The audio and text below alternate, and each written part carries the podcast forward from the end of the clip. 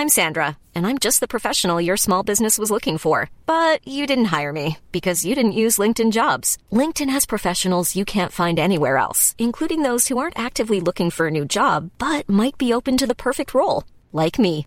In a given month, over 70% of LinkedIn users don't visit other leading job sites. So if you're not looking on LinkedIn, you'll miss out on great candidates like Sandra. Start hiring professionals like a professional. Post your free job on linkedin.com/people today.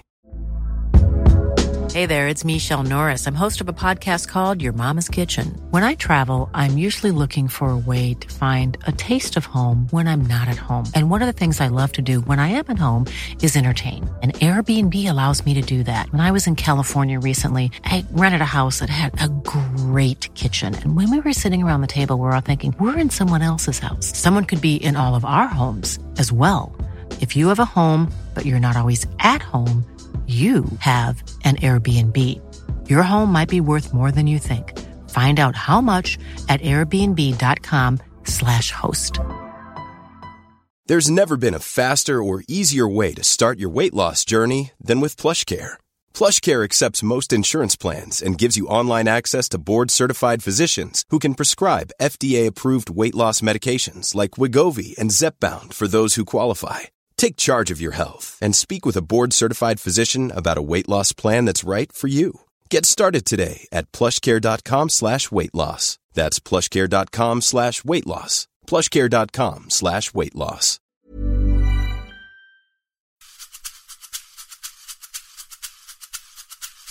Jag tror att har man tillräckligt med passion och man brinner för det man gör och man gör ett jäkligt bra jobb så kommer det att reda ut sig till slut. Och sen finns det liksom gropar på vägen och man kommer snubbla och det kommer göra ont. Men man kan ju inte göra mer än sitt bästa. Jag har ju valt det här livet. Det är ingenting som någon har tvingat på mig, så det är inte synd om mig, utan eh, jag har prioriterat eh, familj och jobb. Eh, och sen hinner jag med andra saker däremellan, så jag är jätteglad för det. Man kan inte göra allt.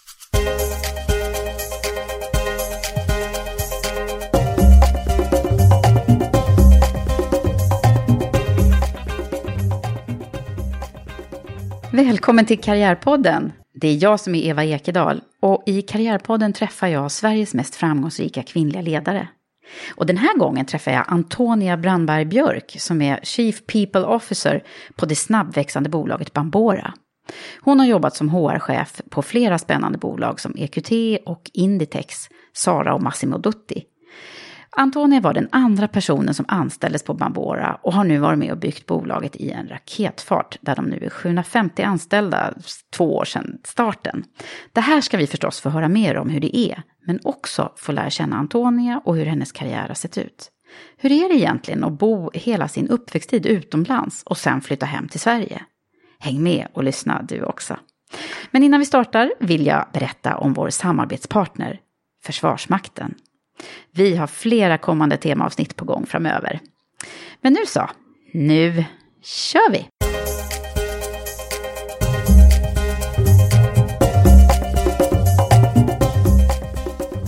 Antonia Brandberg Björk, Ja, välkommen till Karriärpodden. tack så mycket. Så härligt att ha dig i stolen bredvid mig. Ja, kul att vara här. Och nu ska vi fördjupa oss i dig och vem du är. Ja, Och hur känns det då? eh, jag sa ju det här eh, förut, att det känns ju eh, jätteroligt och väldigt spännande, men också utmanande eh, för mig. Jag eh, som HR-person så är jag ju väldigt van vid att sitta snarare i din stol och ställa just det, frågorna och inte lika van vid att eh, ställa svaren eller ge svaren. Ja, Så att eh, det ska bli väldigt intressant. ja. Och eh, ja, men som sagt, en utmaning. Vad kul. Och du sa också så här, det är bra att man kanske får perspektiv. Eller Ja. det känns som man kanske kan få det när man börjar tänka på Ja, precis. vad man har gjort och så. Precis, backa lite eh, och se sig själv från en annan vinkel. Mm. Vad man har gjort och inte gjort och vad som har gått bra och mindre bra. skulle alla behöva vara med i Karriärpodden ibland. Vi säger det, Ja. absolut, det tycker jag. Ja. Men Här nu- sitter man bra. Nu är det din Ja. tur och eh, jag är ju spänd att höra om både det du har gjort men också där du befinner dig just nu. Mm.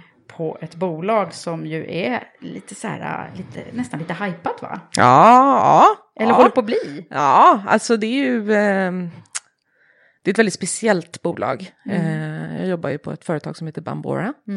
Eh, och jag började där i oktober 2014 blir det. Eh, och då var jag andra personen på plats.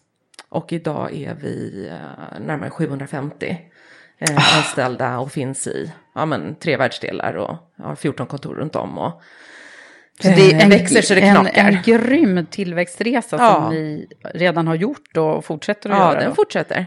Det är ingenting som stannar upp utan Nej. eh, vi fortsätter. Vad är och- liksom målet? Att, eh, Ja, det bli- finns väl inget specifikt mål så, eh, mer än att vi, eh, vi är tillväxtföretag eh, och vi har ju ganska stora planer och ambitioner och vi hoppas ju växa med 25-30 procent organiskt, eh, i alla fall de kommande åren. Eh, så utöver de 13 förvärv som vi har gjort så växer vi ju eh, själva och har rekryterat in en 400 personer ungefär själva. Så att ja, det är hög Ja. aktivitetsnivå. Där Helt skulle man klart. nästan kunna ha en separat podd om. Men vi Ja, kanske kommer ja. komma tillbaka till det. Men jag, jag tänkte så här när jag läste ditt CV, Mm. som jag fick göra här för några dagar sedan. Då, då tänkte jag så här, åh, det är en klassisk HR-proffsperson som jag kommer att träffa. Eh, ja, ja, Ja, men jag det- tänkte så, för du har ju gjort eh, väldigt många, liksom, du har jobbat på spännande bolag som, som HR-chef och HR-specialist på olika sätt. Mm. Ehm, och det är ju ett av de mest populära jobben. Liksom. Ja, jag har börjat förstå det. Ja. Ja. så var det ju inte alls egentligen eh, när jag började eller liksom.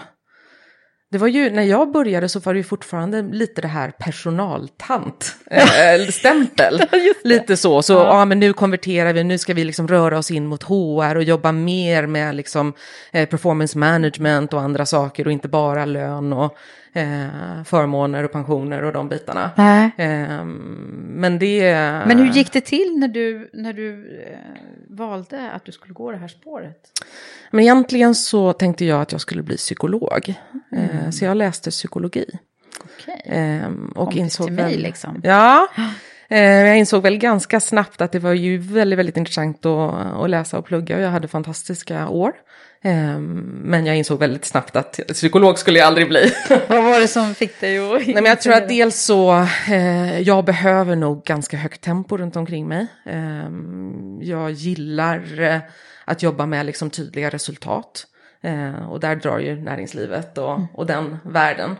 Eh, så att jag insåg ju ganska snabbt eh, efter jag hade börjat mina studier att ja, men psykolog kommer jag inte att bli, men jag kan ju eh, liksom plocka ihop andra kurser som gör att jag blir liksom lite bredare i min erfarenhet. Så jag plockade in lite ekonomikurser och eh, ja, men inriktade mig mer mot eh, organisationspsykologi och eh, försökte liksom pussla ihop det lite mer så att jag skulle få liksom mer, den, mer än den klin, kliniska inriktningen. Ah, ja, så det var så det var. Ja. Men det kanske inte är helt ovanligt, tänker jag, att man faktiskt börjar det här intresset för människor och Ja. så. Att det är Ja. det som många, Ja, många bär med sig som, som Så blir personalare av olika slag. Liksom. Så är det ju, och det är ju för mig är det här ju liksom, och det, det ser man ju eh, på mitt CV och min bakgrund, är att jag har ju någonstans liksom, jag snöade in mig på HR ganska tidigt. Mm. Ehm, och har ju jobbat med det alltid. Eh, och just den Har här du gjort någonting annat av- eller är det är Ja, jag har gjort några små grejer däremellan. Jag eh, jobbade på bank i några månader med värdepapper. Eh, det, det står inte ens med i mina, i mina handlingar. Eh, och det var ju bara för att det var svårt att få jobb just då, Mm. runt 2003-2004. Eh, så var det ju inte så lätt att få HR-jobb. Jag var ung och hade inte så mycket erfarenhet. Nej. Så då pysslade jag med det ett tag, satt på en backoffice-funktion och eh, ja, Ja, lärde mig det. mycket av det också. Ja. Men om man skulle börja från allra första början då Mm. med dig. Var, var, var är du uppvuxen?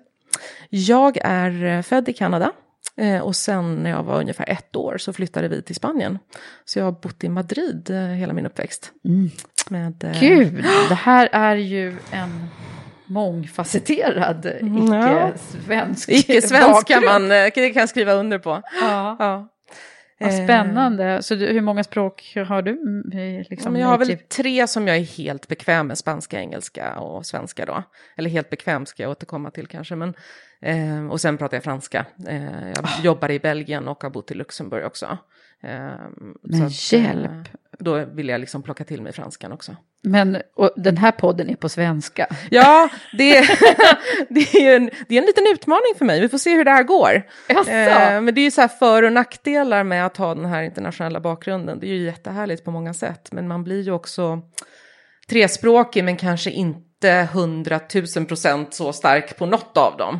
Eh, så det blir eh, lätt så att jag slänger mig lite mellan språken. Eh, sen har jag alltid jobbat i ganska internationella miljöer så jag har kunnat göra det. Eh, så jag känner ju ofta Okej, att jag... så då ska, vi, då ska vi förstå om det kommer något Ja, jag ska, jag ska anstränga mig men det... Så länge du inte kör spanska och franska som inte Nej, det lovar alla jag. kommer Det lovar jag. Jag kan Ja, för sig lite franska, men... vi tar det sen då. Men du, och då, jag blir så liksom impad Mm. av alla som har det här, därför att själv så känner jag att jag, åh gud vad jag skulle önska att jag kunde liksom vara så här flytande i, i flera språk, och framförallt i engelskan då, som jag i och för sig, ja, men, de flesta pratar ju bra engelska, men, men du vet när man inte, när det inte liksom sitter så där Ja. riktigt. Ja, men det, nej, det är klart Så att du har ju en f- tillgång Ja, men det är en är jättefördel. få. Det är en jättefördel, det är klart. Det, det är jag ju otroligt tacksam för. Hur kommer det sig det här då, den här internationella bakgrunden? Var det någon av föräldrarna som... Ja, det var pappa, han jobbade på Sandvik. Eh, så de var ute i en massa år och bodde i Brasilien och Tyskland och Schweiz och hej och hå. Eh, och sen då Kanada, där föddes jag. Och sen eh, Spanien. Och sen tror jag att destinationen efter det var om det var Birmingham eller vad det var, eller alternativet var Mexico City och det var precis efter den stora jordbävningen där och då kände de väl att med två små barn var inte det riktigt. Eh, Men trivdes så himla bra i Spanien så att pappa sa upp sig och startade eget. Jaha, Och där blev de kvar.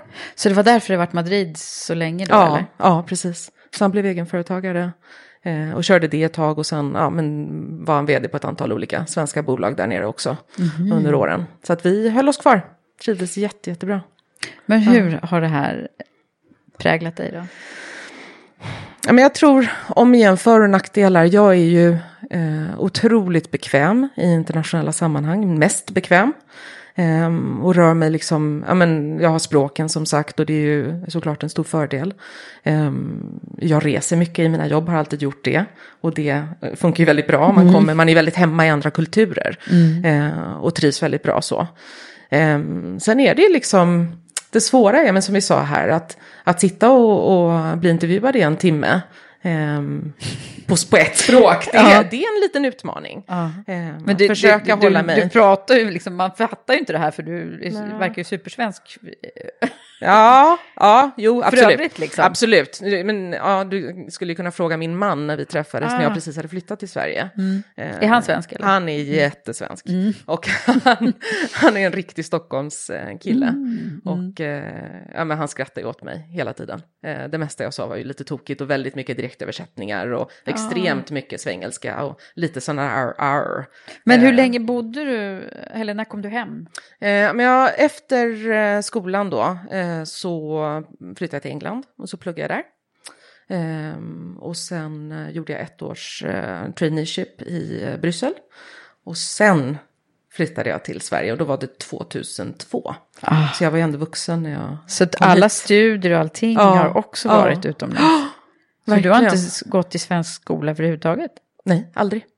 Aldrig. Jag håller på att lära mig nu med mina barn när de går i skolan. Jag vet ju inte någonting. Vad är ett högstadie, vad är ett lågstadie, vad är mellanstadie, när började, när slutade? Ja. Eh, så, så här väldigt, eh, ja, jag går i skola själv nu kan man säga. Vad tycker du om den svenska skolan då? Ja, nu är mina barn så små än så länge. Jag har eh, tvillingtjejer som går ut ettan nu. Jaha, Eh, ja, då så är det vi har inte riktigt hunnit så långt. Men eh, nej, hittills är vi faktiskt jätte, jättenöjda. Eh, bra skola. Men, eh, ja. Men då, då förstår man lite mer, för de, de bolagen som du har jobbat, det är ju ganska internationella globala Ja. bolag allihopa. ja, absolut. Och det har varit viktigt för mig. Ja. Väldigt viktigt för mig. Och då har ju de också förstås sett din, din Ja, kompetens där. ja, och det har nog varit bidragande till att jag har fått några av de jobben som jag har fått. Ja. Eh, och kunnat liksom eh, röra mig mer fritt. Mm. Ehm, men absolut. Men hur, hur, pratar mamma och pappa svenska med er hela tiden Ja, då? ja, Ja, för det jag tänker de. annars så skulle du inte prata Nej, det gjorde de. du- Ja, fast eh, det, det är också så att mina föräldrar flyttade ut från Sverige på 60-talet. Ehm, så att det är ju den svenskan jag lärde mig. Mm. Ja. Så när jag kom till Sverige, dels hade jag mycket direktöversättningar, dels lite svengelska och sen pratade jag ju som, som tagen ur 60-talet. Så att det var ju liksom... Så här gammal journalfilm, Ja, men Nej. lite sådär, eh, sent 60-tal i och för sig, men ändå. Men ändå. Så att eh, det har nog kommit ganska mycket och, och som sagt min man är ju lite av en språkpolis. Mm. Så att eh, han har skolat mig ganska hårt, så det har blivit bättre. Men eh, ja, det...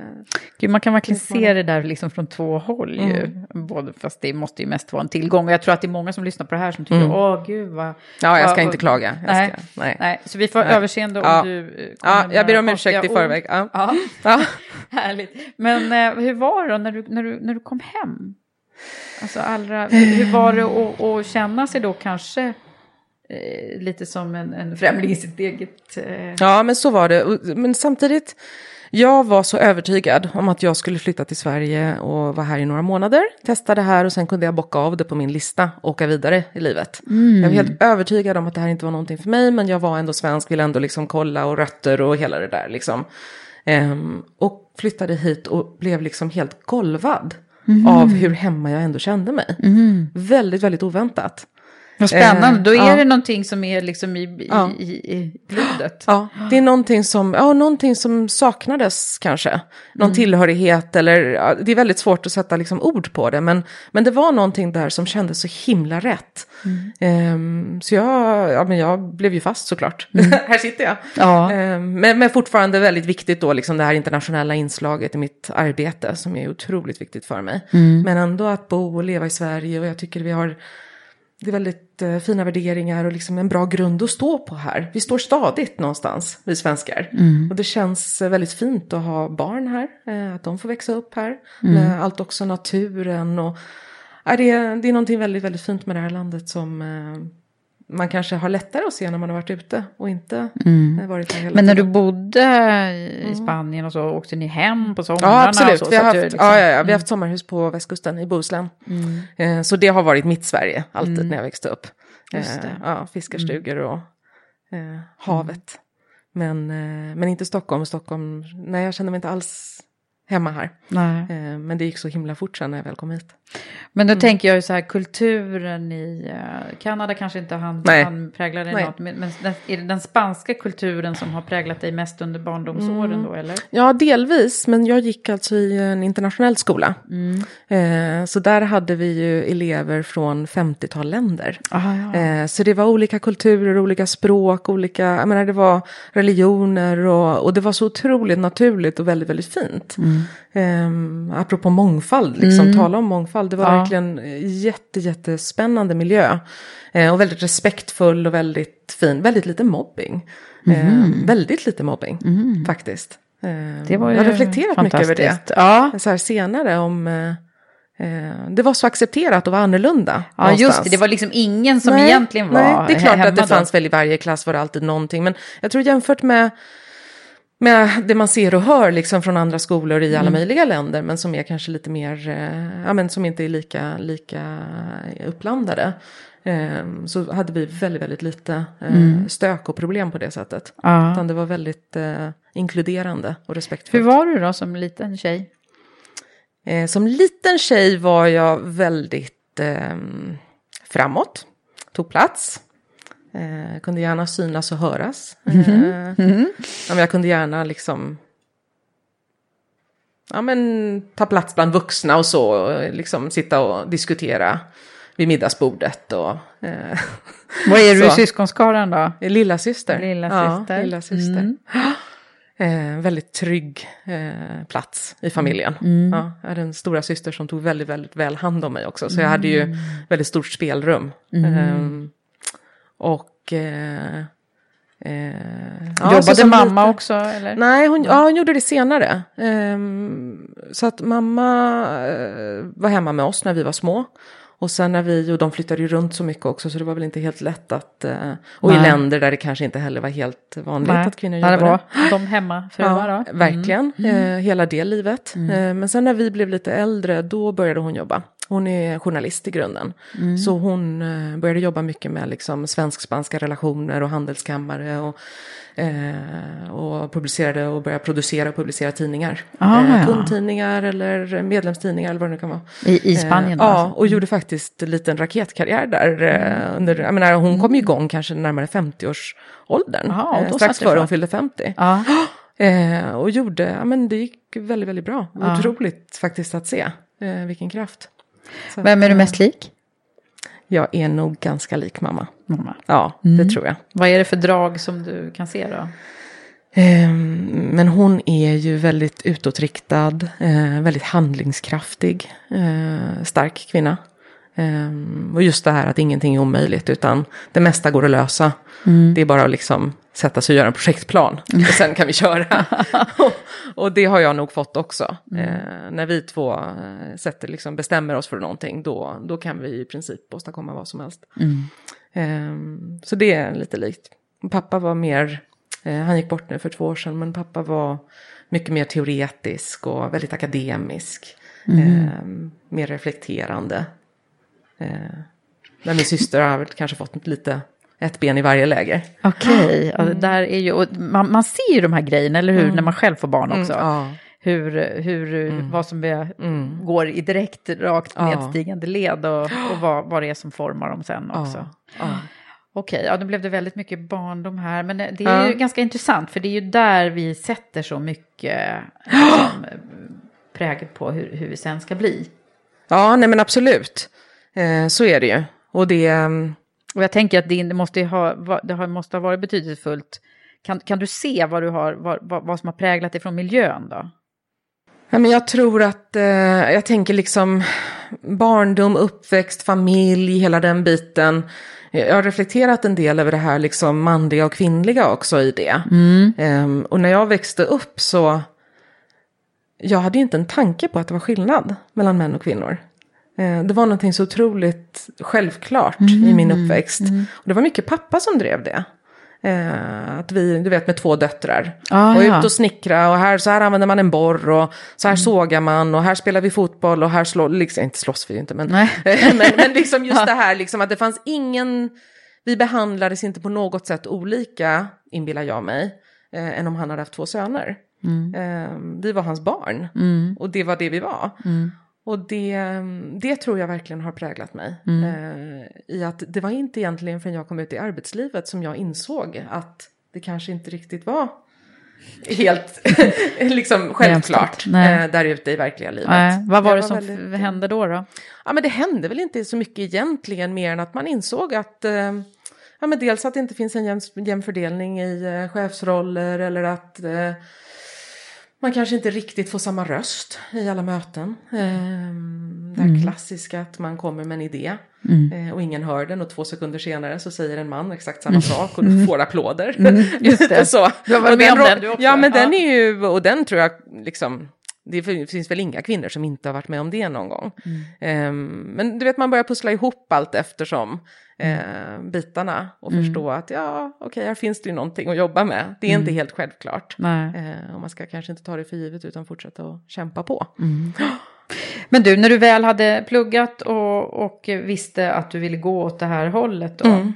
Mm. Vad, de här första jobben, eh, vi kan inte gå in på eh, för mycket varje, men KLM och, Mm. eh, och jag är ju nyfiken förstås på eh, Inditex, eh, som ju är då Sara och... Mm. Ja, och Massimo Dutti på den tiden, nu har de ju öppnat fler butiker här. Ja, just det. Men på den tiden var Men det du de var två. alltså HR-chef för Ja. dem när de startade här eller? Ja, eller de hade precis öppnat butiken på Hamngatan, som var den första. Mm. Ehm, och jag var en Sara-fan såklart, från Spanien, det var ju där man handlade. Ja, jag menar Ja. det. Du måste ju ha varit liksom Ja. som klippt och skuren då. Och Ja, ja. språket där då. Ja, ja och nej, för jag var ju samtidigt väldigt oerfaren. Jag hade ju kanske jobbat i två år eller något Ja. sånt. Och det här är ju egentligen en rolig historia för att just då, 2003, 2004 vad det är, då var det ju väldigt svårt att få jobb och jag var mellanjobb just då. Det var då jag jobbade i det här backoffice-jobbet på bank. Ehm, och det handlade ju om att liksom kunna betala hyran, så, så det var ju bara att hitta ett jobb. Och då hade Sara precis öppnat och då gick jag dit och slängde in mitt CV. Och tänkte att ja, men jag kan väl stå i butik eh, tills jag hittar något annat. Så. Ehm, och sen blev jag uppringd för en intervju och när jag sitter på den här intervjun så inser jag att jag sitter på en intervju för ett HR-jobb. Och inte för att stå i butik. Och ett HR-chefsjobb dessutom. Så du, du, du Nej, jag spelade med. Självklart. Nej, så det hela är ett bananskal liksom. Ja, lite så. Och där apropå språket, det är klart Ja. att hade jag inte haft spanskan där så hade de väl kanske aldrig ringt mig. Så det var ju liksom en dörröppnare.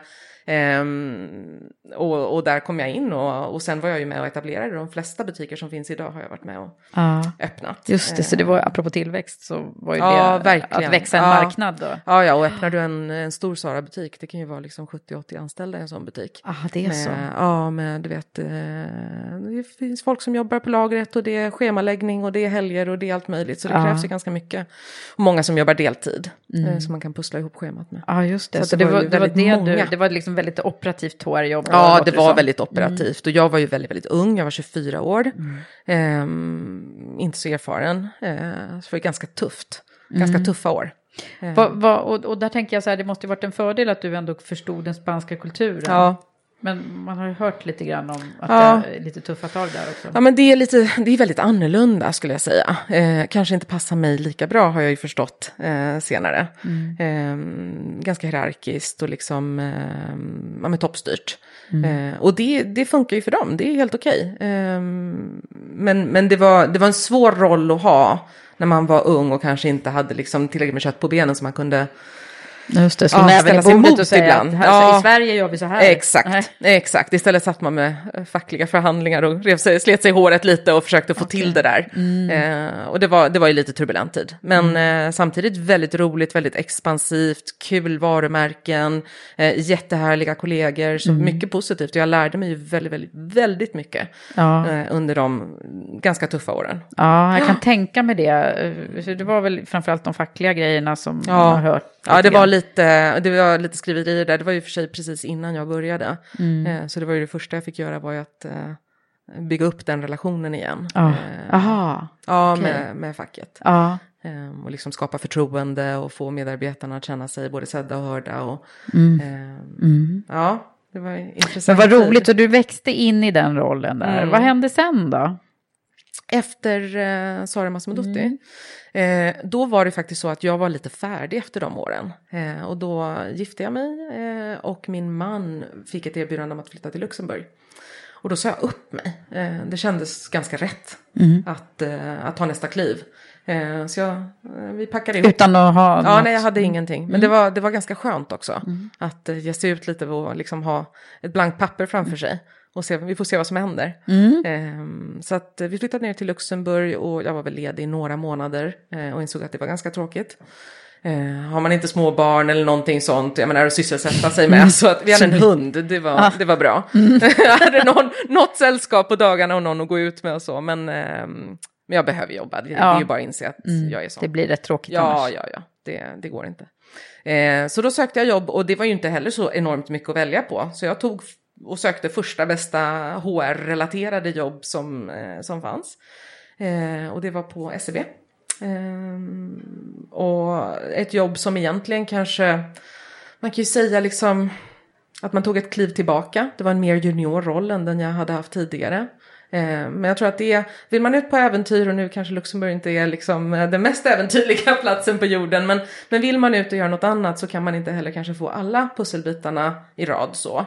Ehm, så det gjorde ingenting. Jag var jätteglad att jag kunde jobba med HR-relaterade frågor. Och sen växte ju den rollen väldigt snabbt.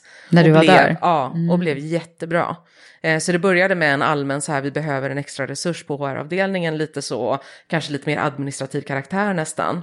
Ehm, och, eh, och sen var jag business partner för större delen av verksamheten på slutet. Ehm, och jobbade väldigt, väldigt mycket med alla chefer, både i Schweiz och i eh, Luxemburg och hade även några stycken i Singapore.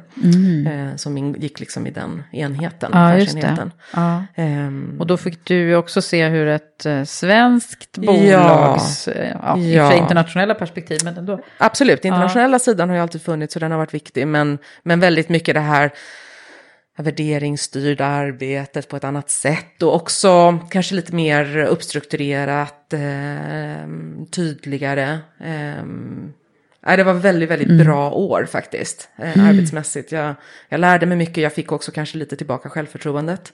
Eh, som kanske tog sig en liten törn under de där åren på, På på. Inditex med Sara Massimodotti. Eh, och liksom, men gud, jag kan någonting och jag är bra på det här. Och jag, jag kan faktiskt addera värde här och liksom hjälpa cheferna och de välkomnar mig. Och, ehm, ja, men det var, Fick det bygga var lite bra där. rehabilitering Ja. på något sätt.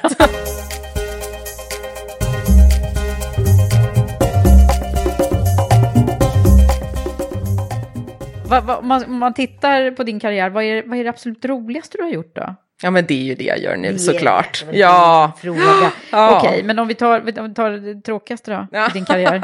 Ehm, ja men det tråkigaste är ju... ehm, ja, tråkigaste vet jag inte om det men kanske det mest... eh, det svåraste eh, var ett jobb jag tog ehm, innan jag började på Bambora. Så tog jag ett jobb som jag eh, trodde skulle bli väldigt bra. Eh, som skulle vara HR-chef för Norden eh, i ett internationellt bolag, ganska stort. Och med väldigt stora förhoppningar om vad vi skulle bygga och det skulle bli en kulturförändring och man skulle driva massa, ja. Ehm, och jag kände så, jag, och jag så försöker analysera varför tog jag det här jobbet egentligen? Och det är jag inte helt färdig med. jag jobbar Okej, fortfarande for- på det. Vad var det som fick vi. mig att göra det? Men, eh, men eh, det slutade faktiskt med att jag sa upp mig efter fem veckor. Ehm, för att det var, det var så otroligt bara kulturen och värderingarna och arbetssättet och ledarskapet och alla de här delarna var så otroligt långt ifrån mig. Eh, och det jag hade sett och där jag hade sett att jag trivdes. Eh, och där jag fungerade väl, då kom jag från EQT, hade jag varit i fyra år. Just det. Ehm, Som har en otrolig värdegrund. Ehm, och verkligen liksom... Jag kände att jag, jag visste väldigt tydligt vem jag var och vad jag ville. Och hur jag fungerar och hur jag kan arbeta och vad jag står för. Ehm, och sen hamnade jag helt fel. Och då mm, insåg jag också, ja men som sagt, efter fem veckor att eh, eh, jag kan inte kompromissa på de här delarna. Nej. Det här är liksom make or break, det är svart Men det är ju så himla bra Mm, det där, mm. att ändå lyssna på Ja. sig själv i det där läget. Ja, och det är väldigt läskigt. Ja. Ehm, för där Vad modigt man... och bra att du lyssnade på dig själv ändå. Då. Ja, och det är faktiskt en sån här grej. Man kan kalla det för ett misslyckande, för det är det ju på sätt och vis. Eh, men det är också en av de sakerna som jag är mest stolt över mig själv, att jag vågade eh, liksom dra i snöret och ta mig därifrån. Ja. Ehm, innan man tappar perspektiv och blir insugen i det hela och ja, men det här går nog bra och så går det ett år och så går det två år och så helt plötsligt har man tappat sig själv kanske. Ja, men det var ju Ehm. också första gången du gjorde det. Ja. Eh, Och, och jag menar, det är ju, menar, om man skulle hålla på så Nej, hela tiden, då skulle klart. man ju naturligtvis kunna fundera på vad det är som eh, händer. Ja, ja. Men nu är det ju inte så, då, Nej. utan det var olika faktorer som gjorde att, att du, in, du kände att du var inte rätt för dem och de inte Nej, dig. Eller något sånt. ja. Eh, och det där, det där är ju någonting som jag tror att vi skulle behöva känna av. Alltså Ja. den, här, den här provanställningstiden, den är ju på något sätt, ja, men faktiskt. den är ju bra, men den är ju rätt lång, sex månader också. Ja, ja. ja, den är lång och samtidigt ehm, kan den också kännas kort ibland. Ja, just det. Ja, det beror finns på. ju en massa ja. olika sidor. Ja, men för Ehm, dig behövdes det bara de Ja, här. det, det, det var egentligen nästan första veckan jag kände det. Har du kunnat liksom sätta fingret på vad var det som var avgörande då? Ja, men dels var det ju så att den chefen som rekryterade in mig, eh, som var lite annorlunda, eh, han skilde sig lite från det andra och han ville driva den här förändringen. Han blev faktiskt uppsagd på min första dag. Oj, jaha, och det var honom du liksom Mm. Ja, för ville jag såg jobba att han ville driva någonting och han ville uppnå någonting eh, och liksom driva en förändring och den ville jag vara med på. Mhm. Ehm, och det är klart att sen när han försvann och så kom det en helt annan chef och det, liksom det, det klickade inte överhuvudtaget. Ehm, sa han upp så sa jag ner och sa han höger så sa jag vänster. Och det, det går ju inte. Eh, det blir liksom för svårt. För långt ifrån varandra. Ja, ja, och det hade inte Samtidigt blivit så bra. Jag hade aldrig blivit här, rätt för dem. De kanske hade rekryterat in dig av en anledning då. Ja. Men, eh, Ja, jag inte kände inte mottagna. att jag hade tillräckligt med sponsorer eh, internt eh, för att liksom kunna faktiskt genomdriva det jag, det jag Nej. kände var viktigt. Nej. Det där är Man kan ju inte alltså... skapa sin egen agenda heller. Jag utan har också det- varit med om det någon gång, Mm. att, man, att när, när eh, värderingarna, Mm. eh, när det inte passar Ja. liksom. Och för, för mig tog det lite längre tid att komma på det, Ja. vad det var. För att jag trivdes väldigt bra med eh, mitt team. Ja.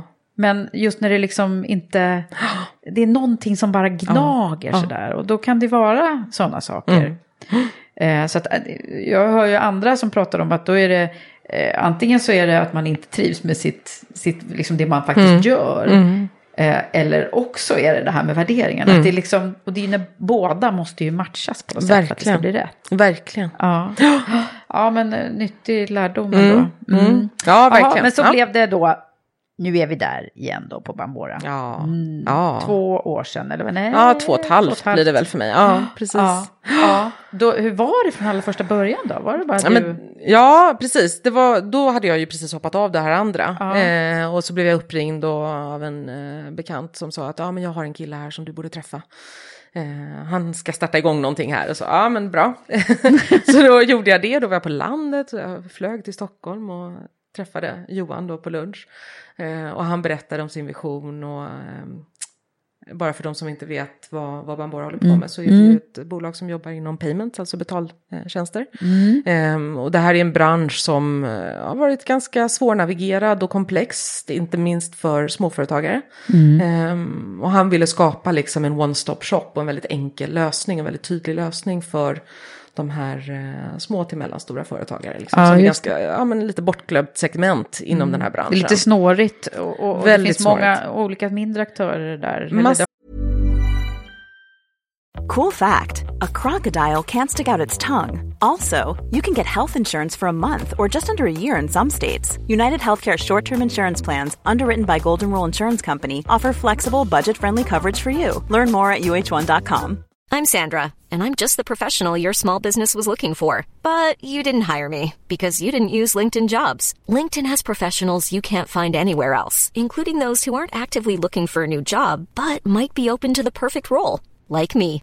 In a given month, over 70% of LinkedIn users don't visit other leading job sites. So if you're not looking on LinkedIn, you'll miss out on great candidates like Sandra. Start hiring professionals like a professional. Post your free job on linkedin.com/people today. There's never been a faster or easier way to start your weight loss journey than with PlushCare.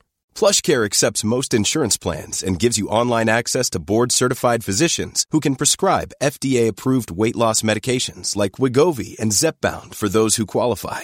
Take charge of your health and speak with a board-certified physician about a weight loss plan that's right for you. Get started today at plushcare.com slash weight loss. That's plushcare.com slash weight loss. plushcare.com slash weight loss. Mom deserves the best, and there's no better place to shop for Mother's Day than Whole Foods Market. They're your destination for unbeatable savings, from premium gifts to show-stopping flowers and irresistible desserts. Start by saving 33% with Prime on all body care and candles. Then get a 15-stem bunch of tulips for just $9.99 each with Prime. Round out Mom's menu with festive rosé, irresistible berry chantilly cake, and more special treats. Come celebrate Mother's Day at Whole Foods Market. Hey Dave, Yeah, Randy. since we founded Bombus, we've always said our socks, underwear, and t shirts are super soft. Any new ideas? Maybe sublimely soft. Or disgustingly cozy? Wait, what? I got it. Bombus. Absurdly comfortable essentials for yourself And for those facing homelessness. because one purchased equals one donated. Wow, did we just write an ad? Yes. Bombas. Big comfort for everyone. Go to bombas.com slash ACAST and use code ACAST for 20% off your first purchase. Som aktörer och man behöver både den produkten och den och den för att kunna liksom göra den enklaste vanlig transaktion. liksom. Exakt. Ehm, och varför ska det vara så svårt egentligen? När man gick ut och pratade med, med massa merchants då. Eh, där kom första engelska ordet. Ja, Ja, men det, där kom det. det, det var Ja. väldigt... Ja, vi har klarat ju oss pratat bra här. halv Ja. timme här innan. Ehm, Men när eh, man gick ut och pratade med de här eh, ja, med handlarna eh, så inser man att de vet inte riktigt vad de har för produkter och de vet inte riktigt vad de betalar och de tycker mest att det är snårigt och svårt. Och, och liksom när någonting går fel framför allt, var vänder man sig då? För då har du tre, tre olika leverantörer som säger att det inte är vi, det är dem. Eller Mm. eh, under tiden blir kön längre och längre vid kassan. Eh, så han ville ju bara skapa, skapa en väldigt enkel elhetslösning för eh, de här kunderna. Och det var där det började. Och sen har vi ju adderat, så vi har ju gått in i e-handelssidan eh, också såklart och mobila Mm, lösningar och har Så nu hela digitalt på spektrat. riktigt. Ja, Mm. ja, vi har egentligen hela, hela spektrat och kan eh, tillhandahålla liksom hela Mm. eh, payment eh, ja, segmentet. Så han målade upp sin vision för Ja. dig och eh, så var du eh, allra först in där då eller? Ja, jag var den första som hann börja. Eh, så att eh, första veckorna var det bara han och jag. Ah. Eh, och sen började vår CFO några veckor efter mig och sen kom nästa mm, liksom eh, allt eftersom och droppade in. Och i början hade vi ju inget kontor eller eh, någonting. Vi backas ju av en private equity-spelare så vi har liksom haft det finansiella kapitalet för att Mm. kunna snabbt växa. Och har gjort det genom förvärv. Men som sagt första förvärvet gick ju igenom i december eh, där. Och ehm, då, ehm, då började vi få lite anställda också, så då fick vi 50-tal anställda. Mm. Innan dess var det ju bara vi. Och som sagt jobbade från kaféer och försökte rekrytera. Skulle försöka rekrytera, vi insåg ju att vi behövde snabbt en, ja men typ head of accounting och sådana Mm. roller. Ja men det Ja. behöver man ju. Ja. Inte helt eh, okomplicerat att eh, övertala en eh, redovisningschef liksom att hoppa på. Vi har, Nej. inget, vi har inga kontor, vi har inga namn och vi har inga produkter än. Men vi har en vision och vi ska framåt och vi, ska, vi vet precis vart vi ska. Ehm, så att det var Ja, ju Då får man ju verkligen liksom rekrytera med hjärtat också. Väldigt, väldigt mycket. så. Ja. Ja. Och det tror jag har varit väldigt bra för oss. Ehm, för det är de här eldsjälarna och de här liksom, den här passionen Mm. som vi lyckades få in tidigt då. Eh, har ju varit så otroligt Mm. viktig för oss. Mm. Eh, och en röd tråd egentligen i hur vi fortsätter att rekrytera idag. Mm. Att eh, det här kan inte vara bara ett jobb, det behövs en liten förkärlek för det hela. Mm. Ehm, Vad roligt, men då, då var ju du, om jag förstår, då var du lite sargad där och så träffade Mm. du honom. Ja. Och, och då måste ju han ha på något sätt lyckats Ja. eh, få med sig dig då, och, och att ni då delar den Ja. här visionen. Ja, dels visionen men också ledarstilen, eh, kultur, värderingarna. Kände du det på en gång? Ja, direkt, direkt, direkt. Och det var, det var, ehm, det var Så så otroligt tydligt. Det var verkligen som att komma hem igen nästan. Mm. Ehm, och känna att, ja men åh, precis så här ska det vara. Och precis så här ska man samarbeta. Och precis så här ska det. Och också det här att vi vill uppnå. Det är klart att vi liksom driver en, en business och vi ska tjäna pengar. Men, Mm. men det finns en ganska fin filosofi. Och liksom just det här att finnas där för kunden. Och att jobba otroligt liksom fokuserat på att inte bara finnas där för kunden. Men också att hjälpa de här eh, småföretagarna att växa. Mm. Eh, och finnas som en partner och verkligen liksom stötta hela den resan. Mm. Det, mm, Just det, och du hade ju jobbat faktiskt då i, i retail, så du Ja, visste ju, ja, det var ju en bra, ja. nu fattar jag hur han tänkte. Eh, Men, men det var ju, eh, det är ju inte alla, för, det är få förunnat som, som får den här eh, connection med sin, apropå det här med att välja sin chef. Det, det är ju det som de allra flesta säger i Karriärpodden, Ja. att det är så himla viktigt. ja. Men det kunde du känna där då tidigt. Ja, men det här liksom, ja verkligen, eh, så var det verkligen. Sen har jag ju lärt mig att jag välja min chef jätteviktigt. Men det behövs någonting annat, apropå den tidigare äventyret jag var ute på. Mm. Där valde jag ju chef Ja, just det, som slutade. som Mm. slutade. Och vad finns det kvar då? Ja. Så jag tror att det är lika viktigt att välja kultur, värderingar och liksom grunden Mm. som bolaget står på. Eh, Jag pratar mycket om the guts, liksom. Eh, bolagets mage. Någonstans just måste det. man känna kärnan. Ja. Eh, och sen ska man ha en jättebra chef också såklart. Mm. Men chefer kommer och går och man, det blir omorganisationer och saker och ting förändras. Mm. Eh, och då, då blir det ju väldigt eh, skört. Om man inte Men något kommer vi till det här intressanta då med, för det är ju ni gör nu, det är ju Mm. att ni bygger en kultur Ja. tillsammans, eller ja, Ja. du och flera nu då, Ja. men, men eh, du har ju verkligen varit med och kunnat påverka det där. Ja. Hur, hur har ni gjort då? För jag, jag tänker så här, förvärv, alltså det måste ju, Ja. det, det innebär just, det jag har varit i kontakt med i förvärvssammanhang, Mm. det innebär att det kan bli kulturkrockar utan dess lika också. Jo, absolut. Eh, och det är klart att det är ju ingen enkel resa och det har ju varit eh, både upp och ner. Eh, och tuffa perioder. Men om man säger så här, de första elva förvärven gjorde vi ganska snabbt. Eller de första tio i alla fall gjorde vi ganska snabbt. Så det var liksom, det droppade nästan in ett nytt bolag liksom varannan månad. Och vi hade ju ingenting alls. Så att vi hade ju inget namn och vi hade ingen kultur och vi hade inga produkter från grunden. Det, var, det här är ju, det är lite speciell situation att vi var ju i el- elva mindre företag som egentligen kom samman för att bygga någonting gemensamt. Det är väldigt mycket så vi har jobbat. Till skillnad från en stor aktör som, som slukar en liten och säger Ah, att nu ja. är det så här det ska vara.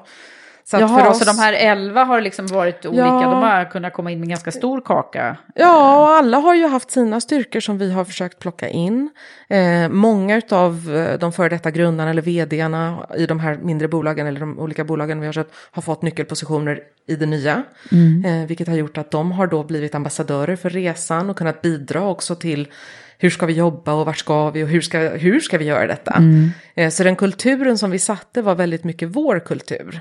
Eh, att vi liksom, vi föddes på nytt lite tillsammans. Ja. Ja, Men de här kom löpande eller? Ja, men ganska snabbt. De första elva kom ganska snabbt. Eh, och vi lanserade ju egentligen vårt eh, varumärke Bambora i maj 2015.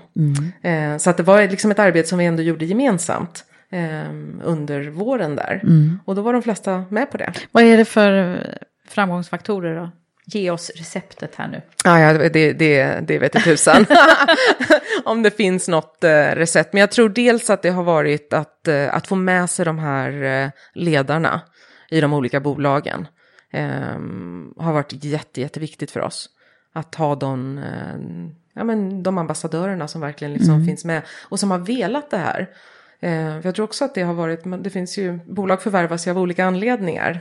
Eh, men om man tittar på de vi har gjort så har det varit väldigt förlösande för de flesta. Att det har kommit någonting väldigt positivt. Mm, de Eh, tycker att det har varit ja. kul och bra och så, Ja. att komma, komma ihop sig. Exakt, och även personalen då har, har sett fram emot detta. Att bli en del av det här. Eh, Och att man har kunnat liksom förklara varför kommer det här att göra att liksom er vardag blir bättre. Eller att ni kan utveckla de här produkterna. Eller att ni får resurser för att bygga den här plattformen. Eller vad det nu kan vara. Just det, så det Eh, finns en uppsida för alla liksom. Väldigt egentligen. tydlig. Och sen, sen är det klart att det har varit tufft på vägen också. Det vore ju eh, vansinnigt att säga något annat. Men, eh, men det har gått eh, liksom över förväntan, eller vad man ska säga. Eh, Men genom du Antonija, jag måste bara fråga, Mm. du har ju också en titel då som heter Chief Ja. People Officer. Ja. Istället för HR Ja. eh, Director eller vad Ja. du annars skulle kunna heta. Hur, eh, hur kommer det sig? Ja, det är en väldigt flådig titel. Jag kan känna ibland att den kanske är att ta i lite väl mycket. Men det hela grundar sig i att min avdelning heter inte Human Resources, utan min avdelning heter People and Performance. Och det var väl, apropå där vi började samtalet här, så pratade vi mycket om att eh, ja, men lönetanter Mm, liksom. Och, och sen Mm. gick det över till HR som var lite mer affärsinriktat. Ehm, men det här handlar väl lite om att ta ytterligare ett kliv i att jobba väldigt affärsdrivet eh, i HR-arbetet. Eh, jag ser ju min avdelning som vilken affärsfunktion som helst. Eh, vi är där för att bidra till resultaten och den kopplingen måste vi ha hela tiden. Och sen att vi gör det genom att jobba med ledarskap eller med kultur eller värderingar eller vad det nu kan vara. Men det finns alltid ett resultat vi ska uppnå. Eh, så därmed den här eh, lite Så man mä- mäter eh, det på samma sätt som andra resultatenheter? Absolut. Eh, och där jobbar vi verkligen så att vi har ju vår årliga, man säger, vi, vi har, eh, jobbar mycket med liksom uppföljning av mål. Eh, så det gör vi kvartalsvis. Men sen har vi även eh, vår stora årliga liksom, eh, eh, performance review, man säger. Där mäter vi alla medarbetare lika mycket på value som vi gör på eh, targets. Så att eh, Okej. det, är inte, det är inte bara viktigt vad vi gör, utan hur vi gör det är exakt lika viktigt. Och det, det är jag otroligt glad och stolt över att vi jobbar på det sättet, för det gör att vi får liksom... Men har ni studerat så här, de andra framgångsrika startupbolagen och sett vad de gör som har Nej, bra? Så? nej, vet du vad, inte ett smack. Nej. Nej.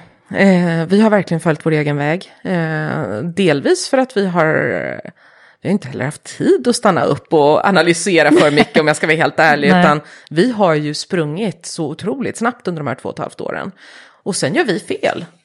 Hela tiden. Och då får vi ju göra rätt sen. Det finns ju ingenting som inte går att riva upp och börja om liksom. Ehm, så att vi har ju väldigt mycket en filosofi att vi hellre gör och kommer framåt än att stå och stampa och fundera och analysera och så. Så att det är klart att man har ju med sig sina erfarenheter. Jag har ett fantastiskt team eh, som kommer med sina erfarenheter där alla har en väldigt stark röst också. Eh, så tillsammans har vi byggt de här processerna och arbetssätten och med sponsorship då från eh, ledningsgrupp och styrelse som också är jätteengagerade. Och, ehm, och det har liksom gjort att vi har kunnat eh, eh, driva fram det här. Och sen inser vi hela tiden, vi kör ju sådana här eh, retrospective som vi kallar det, efter varje process, vad det nu må vara. Om det är en employee survey eller vad, vad vi nu har kört. Ja. Eh, där vi går igenom, okej vad var bra, vad var dåligt, vad vi vill ändra till nästa gång, vad har vi fått för feedback från organisationen. Och så direkt efter då vi har gjort någonting så eh, ritar vi om hur den ska se ut nästa Mm. gång, medan det fortfarande är färskt. Så det, att, det är eh, vad man skulle kunna säga då i moderna ord, ett agilt arbetssätt. Agilt Ja. arbetssätt, absolut.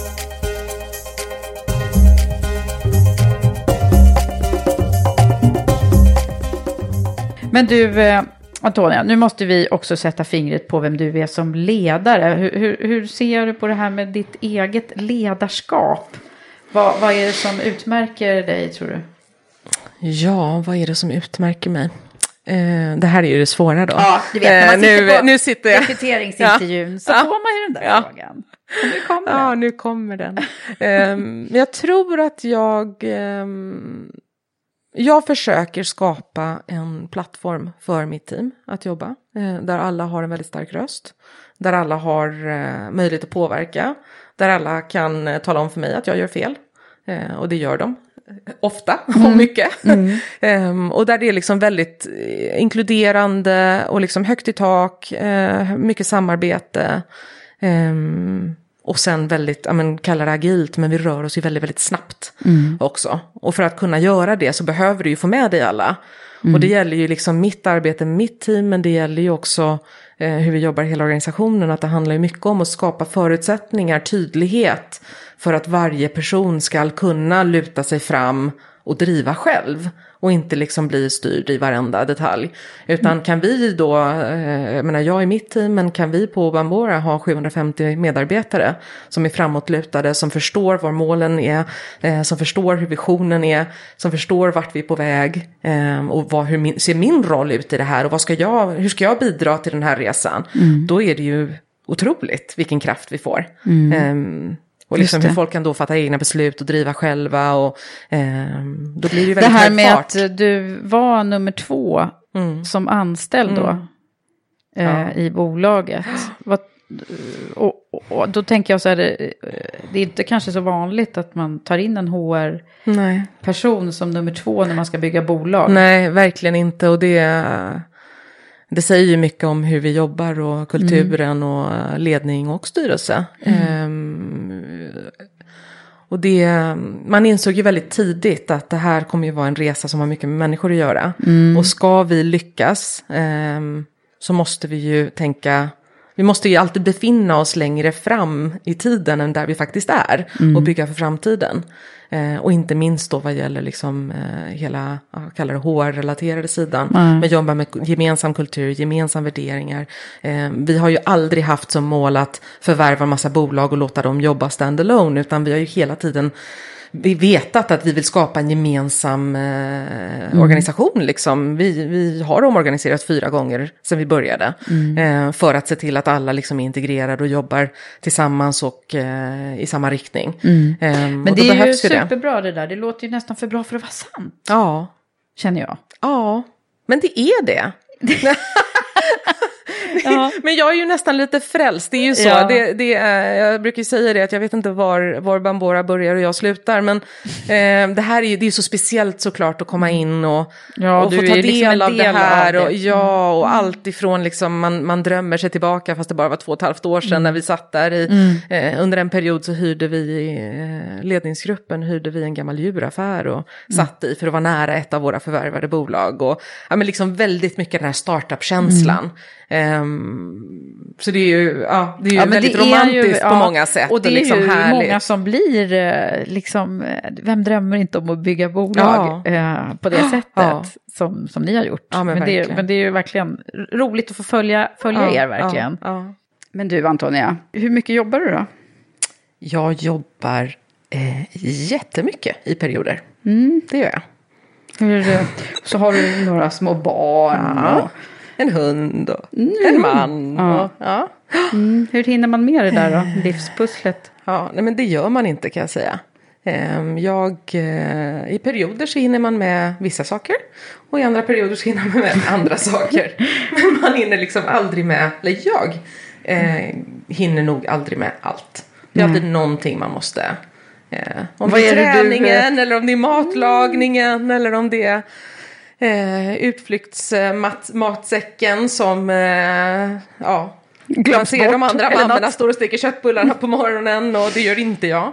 Eh, så det är alltid lite olika saker. Eh, och så fokuserar man på, på olika. I perioder Mm. Vad är hinner jag du- träna jättemycket och det är jätteskönt och i perioder hinner jag inte alls. Så det, Nej. jag tror att ska man försöka få in allting eh, så blir det ju väldigt, väldigt tufft. Mm. Eh, och jag har valt att acceptera att eh, jag, Att du inte hinner allt, Nej, jag enkelt. hinner inte Nej. allting och jag prioriterar att vara en bra mamma på andra sätt. Mm. Och tillgänglig för mina barn på andra sätt.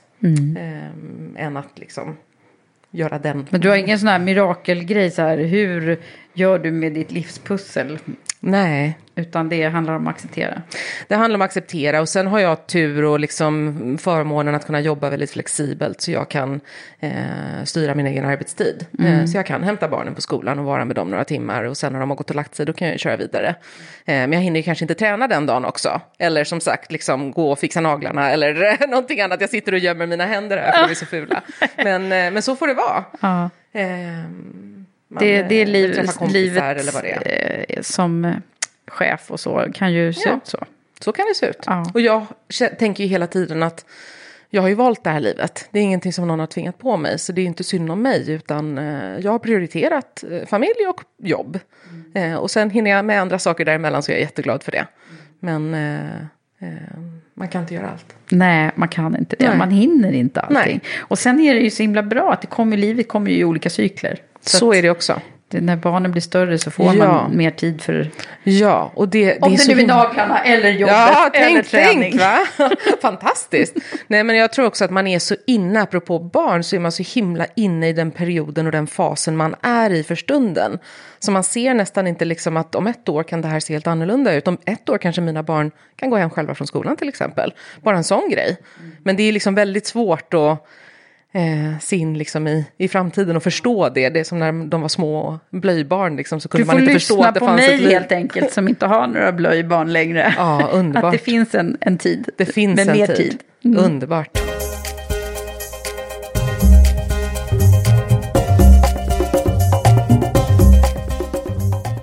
Du, eh, eh, vi ska också prata om, det är ju nämligen så att jag samarbetar ju med Försvarsmakten. Mm. Och de skickar alltid med en fråga som jag ställer till några av mina gäster. Mm. Och nu är det faktiskt en fråga som kommer att handla om hur man hanterar när det är lite kris och, och, och så. Vilket det ju kan bli. Nu låter det som ni bara har det bra, men det Ja. finns säkert stunder som, som, eh, som påverkar er, både yttre och inre förändringsprocesser. Ja. Eh, Så frågan som kommer då Mm. via Försvarsmakten, den lyder så här. Hur hanterar du som ledare snabbt uppkomna och oväntade händelser eh, eller kriser Mm. i, i din organisation? Har du någonting som du kan relatera till? Ja, vi har ju ett väldigt tydligt och väldigt färskt exempel eh, där med terrordådet i, eh, på Drottninggatan. Eh, som ju var nyligen i april här. Eh, och där vårt kontor ligger precis mellan Åhléns och Centralstationen. Eh, så vi har liksom fönster åt båda sidor kan man säga. Så nära ja. Ja, och det är klart att det var ju en... ja, det var ju en fruktansvärd dag såklart. Eh, på alla möjliga sätt. Men där insåg man ju också ehm, vad otroligt, liksom, vi, vi har, apropå retrospektiv så har vi såklart haft den efter den här dagen också. Och vad kan vi göra bättre nästa gång? Om någonting skulle hända och i andra länder och är vi lika Är det förberedda liksom och så. typ debriefing? Ja, Det- det, kallar det det. okej. Debriefing. Mm, jag debriefing. måste bara ja, det är bättre. många- Ja, det är lite tech, eh, tech eh, det. termer här. Ja, just det. Ja, ehm, men eh, där, jag tror vi pratade mycket om liksom vad, vad var bra, vad var dåligt och vad gjorde vi bra, vad gjorde vi dåligt. Ehm, vi eh, blev ju inlåsta på kontoret kan man säga. Vi hamnade i lockdown. Ehm, och satt väl till 8-9 på kvällen och sånt innan eh, vi började släppas ut. Ehm, och polisen stod utanför och ville gärna inte att vi skulle gå ut på gatan för de ville ju kunna jaga den här killen. Ehm, så att, eh, och, Och du var där? Jag var där, hela mitt team var där. Vi hade tur så, för det här var ju en fredag eftermiddag. Ja. Det vet man ju aldrig vem som är på plats och vem som är ute och reser och vem som har tagit helg och alla möjliga grejer. Men faktiskt så var större delen av ledningsgruppen på plats. Vd var på plats, jag var på plats. Eh, vår krischef kom. han var iväg på eh, ett externt möte men han eh, tog sig tillbaka till kontoret innan de stängde ner allting. Eh, och sen... eh, Men hade ni en plan liksom? Ja, vi har ju en krisplan, men sen inser man ju att den där krisplanen, den går ju aldrig att applicera till 100 procent. Nej. Ehm, Men vem har räknat med att man ska bli inlåst Nej, det här var ju så otroligt långt ifrån vad man hade kunnat räkna med. Samtidigt så har vi ju ändå diskuterat att nu sitter vi nära centralstationen, vad innebär det, vad behöver vi tänka på och sådana saker i den värld vi lever i. Men eh, det vi gjorde som jag tror var väldigt, väldigt bra var att vi kommunicerade hela tiden. Eh, så vi har dels liksom interna chattar eh, på kontoret där vi hela tiden delade med oss av den informationen som vi hade. Eh, Och sen hade vi uppsamlingshit liksom i köket om det var var 30 minut eller vad det var. Eh, så samlades alla liksom i den gemensamma platsen och så. Och då kunde det vara att berätta att vi vet ingenting mer just nu. Vi har pratat med polisen en gång till, de säger att vi ska vara kvar. Det är det enda vi kan säga. Men just att hålla det här liksom informationsflödet kontinuerligt hela tiden. Och det är okej att säga att man inte vet något mer. Men då har man i alla fall liksom gett någon typ av information. Ehm, Det låter ju som det vart ganska exemplariskt där. Ja, det var... Hur, hur, hur hanterade du det här då? Som ledare? Jag, vi, vi diskuterade det här efteråt också, för alla gick vi in i olika roller. Jag reflekterade själv över att jag gick nästan in i, men jag, jag fick nästan, nästan tunnelseende. Ja, nu ska vi ta fram listor, vi måste bocka av all personal, vi ska ringa runt till alla. Så vi hade ju inom en timme eller någonting ringt upp alla medarbetare på Stockholm, konsulter, temps, you name it. Och liksom visste att alla var okej. Ehm, och verkligen liksom, ja men du vet, ja, vi satte upp ett krisrum där ledningsgruppen var och så ett samtalsrum där mitt team satt och ringde runt och väldigt sådär, eh, medan andra var kanske oroliga och rädda för eh, ja, men nära och kära. Eh, man kanske blev, eh, ja men folk reagerar så otroligt olika. Ja. Och jag reflekterar nästan över att jag Att du att blev jag, så? Ja, att det blev lite liksom en gud. Jag blev som tänkte inte på min egen familj. Ja, men verkligen. Och det kanske var bra där och då. För att jag kände ju ett ansvar att jag var tvungen att ta hand om. Och liksom, Mm. ehm, jag hade ju ändå en, en roll i det här. Mm. Men, eh, men i efterhand så kan man ju reflektera Men det där med att, man, att man växer med sin uppgift också Ja. på något sätt. Att man, man, det Ja. tror jag, det ligger lite i det du beskriver här Ja, också. kanske det. det, det, är liksom, det är ju din roll det här. Ja. Alla, alla ska må bra Ja. och vi ska hantera Ja. situationen. Ja, det är bara att steppa om- upp. Men samtidigt så var det ju andra seniora medarbetare som kanske inte mådde så bra. Och det har vi också pratat mycket om efteråt, att bara för att man har en viss position i företaget, en ledande befattning, betyder ju inte att man, att man kan få den här actionkänslan liksom och, och bli väldigt handlingskraftig. Nej. Det kan ju låsa sig för vem Ja, som ja, helst. Om man, Eh, och om man det måste vara man ju också. för Ja. något, någon anhörig. Man kanske inte får tag på någon eller. Ja. precis. Och det måste man ju vara så otroligt lyhörd för i de här situationerna. Så det kanske inte alltid är den självklara ledaren som ska leda i en sån situation. Nej. Det kanske är så att det är någon annan som ska kliva upp, som känner sig stark just där och då. Ehm, det var väl lite vår reflektion. Det, alltså vilka, det, det är nog många företag som sitter som Mm. ni och har gjort eh, så här, och tittat vad var det som hände och Mm. hur, vad gjorde vi bra, vad kunde vi göra annorlunda. Men på så sätt är det ju det är hemskt. Ja, men, alltså, ja. det, är- men det man är lär ändå- sig någonting och så Ja. är man bättre rustad för framtiden i alla fall. Ja, men verkligen. Mm. Ha, vad spännande. Men du, eh, det låter ju då som om i det här tillfället så Mm. var du stark och, och, och, och så. Mm. Och uppgiftsorienterad om man skulle säga så. Men hur är det annars med dina emotioner?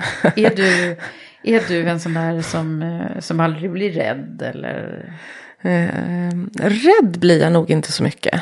Nej. Men eh, jag kan... Eh, jag har ganska stora svängningar vad gäller liksom energinivå. Okej. Ehm, jag är, jag vet inte, mm, för de som är bekanta med diskanalys, Mm. men eh, jag har typ- jobbat... Mig kallar de för diskmaskin. Åh, vad härligt. Ja. Mm. Jag älskar disk. Jag har jobbat väldigt mycket med det och jag är ju en sån här... Ska vi säga det att det är ett beteendestilsanalysverktyg med de här färgerna som man har hört Exakt. talas om säkert många. Rött, Exakt. grönt, blått och gult. Exakt. Mm. Och jag är ju jättegul. Mm. Det vill säga super, ja men extrovert och, eh, men också just det här att jag får enormt mycket energi av andra människor, men jag kan också tappa energin ganska snabbt. Mm. Eh, jag kan liksom, det blir som en ballong när man bara, luften går ur en. Mm. Och då har jag ju lärt mig hur jag ska tanka på mer energi. Eh, jag är en sån här som, det är så larvigt, men det, du vet, det räcker med att någon går förbi och säger, gud vad bra det där var här igår. Så, så växer jag liksom en halv meter. Så det är, inte, det är inte svårt att få upp mig igen. Eh, men jag, jag, det går, det pendlar ganska mycket upp och ner. ja. Ja. Och det, det jag, ja, hur är man då? Jag är ganska ärlig med mina medarbetare kring det. De vet ju precis vem jag är. Jag har aldrig Det är försökt... ganska lätt att, att, att Ja, läs, det- förstå ja, vem du är då. Jag kan inte eh, låtsas. Nej. det, det går inte. Ehm, men då blir det ju också, då blir det tydligt i det. Mm. Ehm, så att eh, jag är den jag är. Du är den du är. Med alla mina brister. Ja, ja. Ehm, Eh, och, och då betyder det också att du har lätt till både skratt och, och andra emotioner. Ja. ja. men, och det är också så här, ja, men det kvinnliga och manliga i det och tillåts man, för det är också ganska kvinnliga eh, ja, egenskaper så, eller kan tolkas så. Ehm, och jag såklart har jobbat väldigt mycket i liksom mansdominerade branscher. Och, ehm, men jag har bara kommit fram till att ja, man måste vara den man är. Ja, och börjar man kompromissa på det, eh, eller försöka dölja, eller eh, det är bättre att vara öppen och ärlig med det. Eh, så blir det tydligt som sagt. Men det är ju det som gör det lite intressant. Det är därför jag tycker att vi, Mm. det är kul att fråga de här frågorna om, om vem man var när man var liten Mm. och vad är det för drivkrafter, vad är det som vad är det för bränsle som, som du Mm. behöver för att... Och då får man ibland lite svar på det där, vad man blev bekräftad. Vad, är det som har, vad är det för norm som har rått i min familj, Mm. Ja. till exempel? Ja. Är det någon, någon tanke som du får när jag säger den där? Jo, men nej. eh, Jag reflekterar själv över det här. Jag, jag grubblar ganska mycket över hur det har blivit och hur det inte har blivit och eh, varför. Eh, och jag har väl inte riktigt svaret än. Jag hade ju en väldigt, väldigt eh, trygg plats hemma eh, när jag växte upp. Och väldigt, eh, ja men som sagt, eh, väldigt trygg och liksom eh, väldigt tajt familj. Eh, inga stora draman på något sätt. Sen hade jag en väldigt jobbig tonår. Eh, men det var ju senare. Eh, Vad var det som var jobbigt då? då? Nej, det var jag som var jobbig. Det var du som ja, var jobbig? Ja, det var jag som var jobbig. det var nog värre för de andra. Det var nog värre Ja. för mina föräldrar. Eh, väldigt stökig, Gjorde du väldigt, revolt? Ja, så in i bomben. Jag... Eh, Vad gjorde du då? nej, men... Berätta. Ja, men jag gjorde ju väl aldrig något farligt eller så egentligen. Men allt ifrån liksom skolarbetet till att eh, krypa ut genom fönstret på nätterna och springa iväg på fester som man inte skulle vara på. Eh, ja, min stackars mamma har varit ute och kört på nätterna och letat efter mig många gånger. eh, men det, ja, så, så Men den där tiden är ju oftast lite sådär, man testar lite. man testar Både och sen har man gjort och det. gränser. Så, sen har man gjort det. Så ja. var beredd när dina, dina barn växer upp. Ja, då. men jag Ja. kan ju alla tricks, så Ja. det, det är lugnt. De, De kommer inte aldrig lura mig. dig. Nej. Men du, om man, om man då drar parallellen till när, när eh, låt säga att du är, är, låtsas att du är 20, Mm. 19-20 sådär. Vad, hade du, vad hade du mått bra av att veta då, som du vet nu? Jag tror att jag hade mått bra av att veta att man kan, att det kan gå väldigt bra om man är sig själv. Man behöver inte passa in i något fack eller se ut på ett visst sätt eller göra på ett visst sätt eller prata på ett visst sätt eller jobba på ett visst sätt eller ha pluggat vissa saker utan det mesta går att lösa. Jag tror att det är sån här, eh, det är nästan lite, lite floskel liksom men jag tror att har man tillräckligt med passion och man brinner för det man gör och man gör ett jäkligt bra jobb. Eh, så kommer det att reda ut sig till slut och sen finns det liksom gropar på vägen och man kommer snubbla och det kommer göra ont. Eh, men man kan ju inte göra mer än sitt bästa. Och det var min pappa alltid, han sa alltid det. Att vad du än blir när du blir stor så se till att vara den bästa. Om du så ska bli liksom, om du ska ut och sopa gator hela dagarna så gör du det. Men då ska det vara de renaste gatorna i stan liksom. Eller vad det nu än är. Men, men just det här att man måste, vad du än väljer att bli. Och det kan vara precis vad som helst. Eh, men det ska du göra så absolut bra Så du bra bara, du bara kan. kan. Ja, och det försöker jag eh, leva Bra, efter. Ja. en bra grej att Ja. lära sina barn. Ja, men jag tror att det faktiskt är sant också. Eh, om man inte kompromissar på vem man är och man gör och liksom... Men sen måste det få göra ont på vägen. Ja. Vad har du mer då för, för tips och så som, som du vill skicka med till, till våra lyssnare här nu som har lyssnat på dig? Um, men jag, jag tänker, jag var inne på det förut. Men just det här, välj din chef, ja, jätteviktigt. Mm. Men välj du har också, ju provat då. Ja, men välj också mm. grunden bakom, om man säger. Mm. Organisationen, kulturen, värderingar. Ta tid att ställa tio frågor till. Eh, man mm. pratar ju mycket liksom i när man gör eh, förvärv så pratar man mycket om att man gör due diligence mm. eh, på bolag. Och liksom lyfter under alla mm. eh, skrymslen och vrår och kollar mm. och ser hur det ser ut. Och det ska man ju fasen göra när man liksom väljer ett, ett, jobb, också. också. Mm. Det är otroligt viktigt. Mm. Eh, och idag är det ju inte ens konstigt. Nej. Det är ju arbetstagarens marknad på många sätt. Mm. Eh, och intervjua, be att få träffa liksom, kanske några medarbetare i teamet och fråga. Liksom, så att man gräver lite djupare där. Det skulle jag verkligen eh, Um, kommentera och önska att jag... Eh, arbetsgivare. Absolut. Mm. Och inte bara chefen du, utan kulturen, organisationen, mm. vart är vi på väg och hur ska det se ut och eh, på vilket sätt gör man saker och ting här och mm. vad värdesätter man i den här organisationen. Mm. Uh, jag tror ja, den är att bra. Det, ja. Um, och sen tror jag man måste, jag känner det liksom när man reflekterar tillbaka över mig själv eh, i form av tips, att hitta sammanhang där man fungerar riktigt bra. Tänk tillbaka på liksom, när är jag som absolut bäst? Vad är förutsättningarna? Hur ser miljön runt omkring mig ut? Vad är det jag jobbar med just då? Hur ser min chef ut? Eller hur är min chef? Um, så att man någonstans liksom bottnar i vilka, vilka faktorer som behövs för att man själv ska lyckas. Det brukar jag ställa som fråga när jag intervjuar folk. Att mm. liksom, vad kräver du? Vad behöver du för att verkligen vara framgångsrik i din roll? Mm. Mm. Och, liksom vilka, och det kan ju vara allt ifrån inte vet jag, men jag behöver en eh, kultur eller ett arbetssätt som eh, eh, är väldigt kreativt eller någonting sånt. Eller så kan det vara att jag vill jag vill inte pendla för långt. Alltså inte mm. vet jag, det kan ju vara olika saker men man, alla har sitt. Men det gäller att hitta och bottna i, i vad det är man själv behöver. Ja. Eh, för att verkligen för lyckas. Att blomma ut liksom. Ja. Mm. Mm. och det låter ju som du har hittat ditt nu. Ja, mm. verkligen. Och där har jag ju som sagt snubblat. Eh, och, och, det har ju hjälpt mig att mm. tydligare sen eh, identifiera de här faktorerna. Verkligen. Ja, men visst är det bra. Ja, Absolut, bra. och göra de där snubbelgrejerna, ja. för annars så skulle man inte veta heller Nej. hur det är att, att göra det. Exakt, verkligen. Ja, klokt. Ja. Vad bra Antonia, tack så jättemycket för att du har varit med mig Tack idag. så mycket. Mm, tack, tack själv.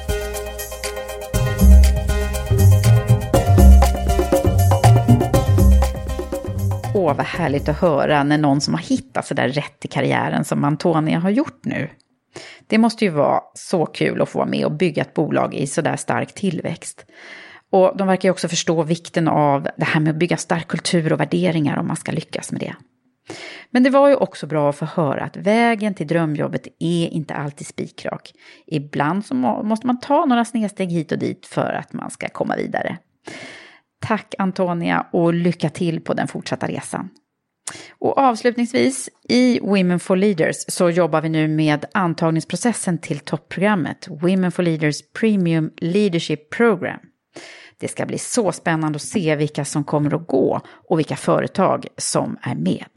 Men nu så vill jag säga tack så mycket till dig som har lyssnat. Vi hörs snart igen. Hej så länge!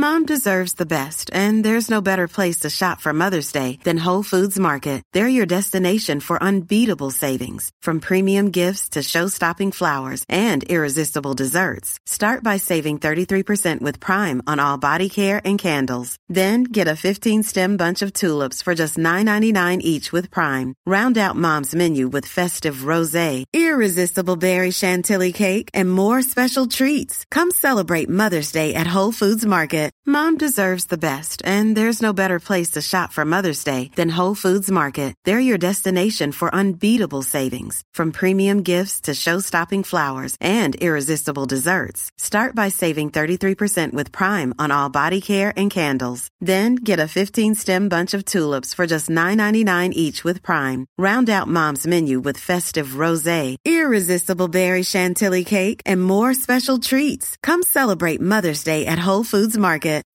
When you need mealtime inspiration, it's worth shopping Kroger, where you'll find over 30,000 mouthwatering choices that excite your inner foodie. And no matter what tasty choice you make, you'll enjoy our everyday low prices, plus extra ways to save, like digital coupons worth over $600 each week. You can also save up to $1 off per gallon at the pump with fuel points. More savings and more inspiring flavors make shopping Kroger worth it every time. Kroger, fresh for everyone. Fuel restrictions apply.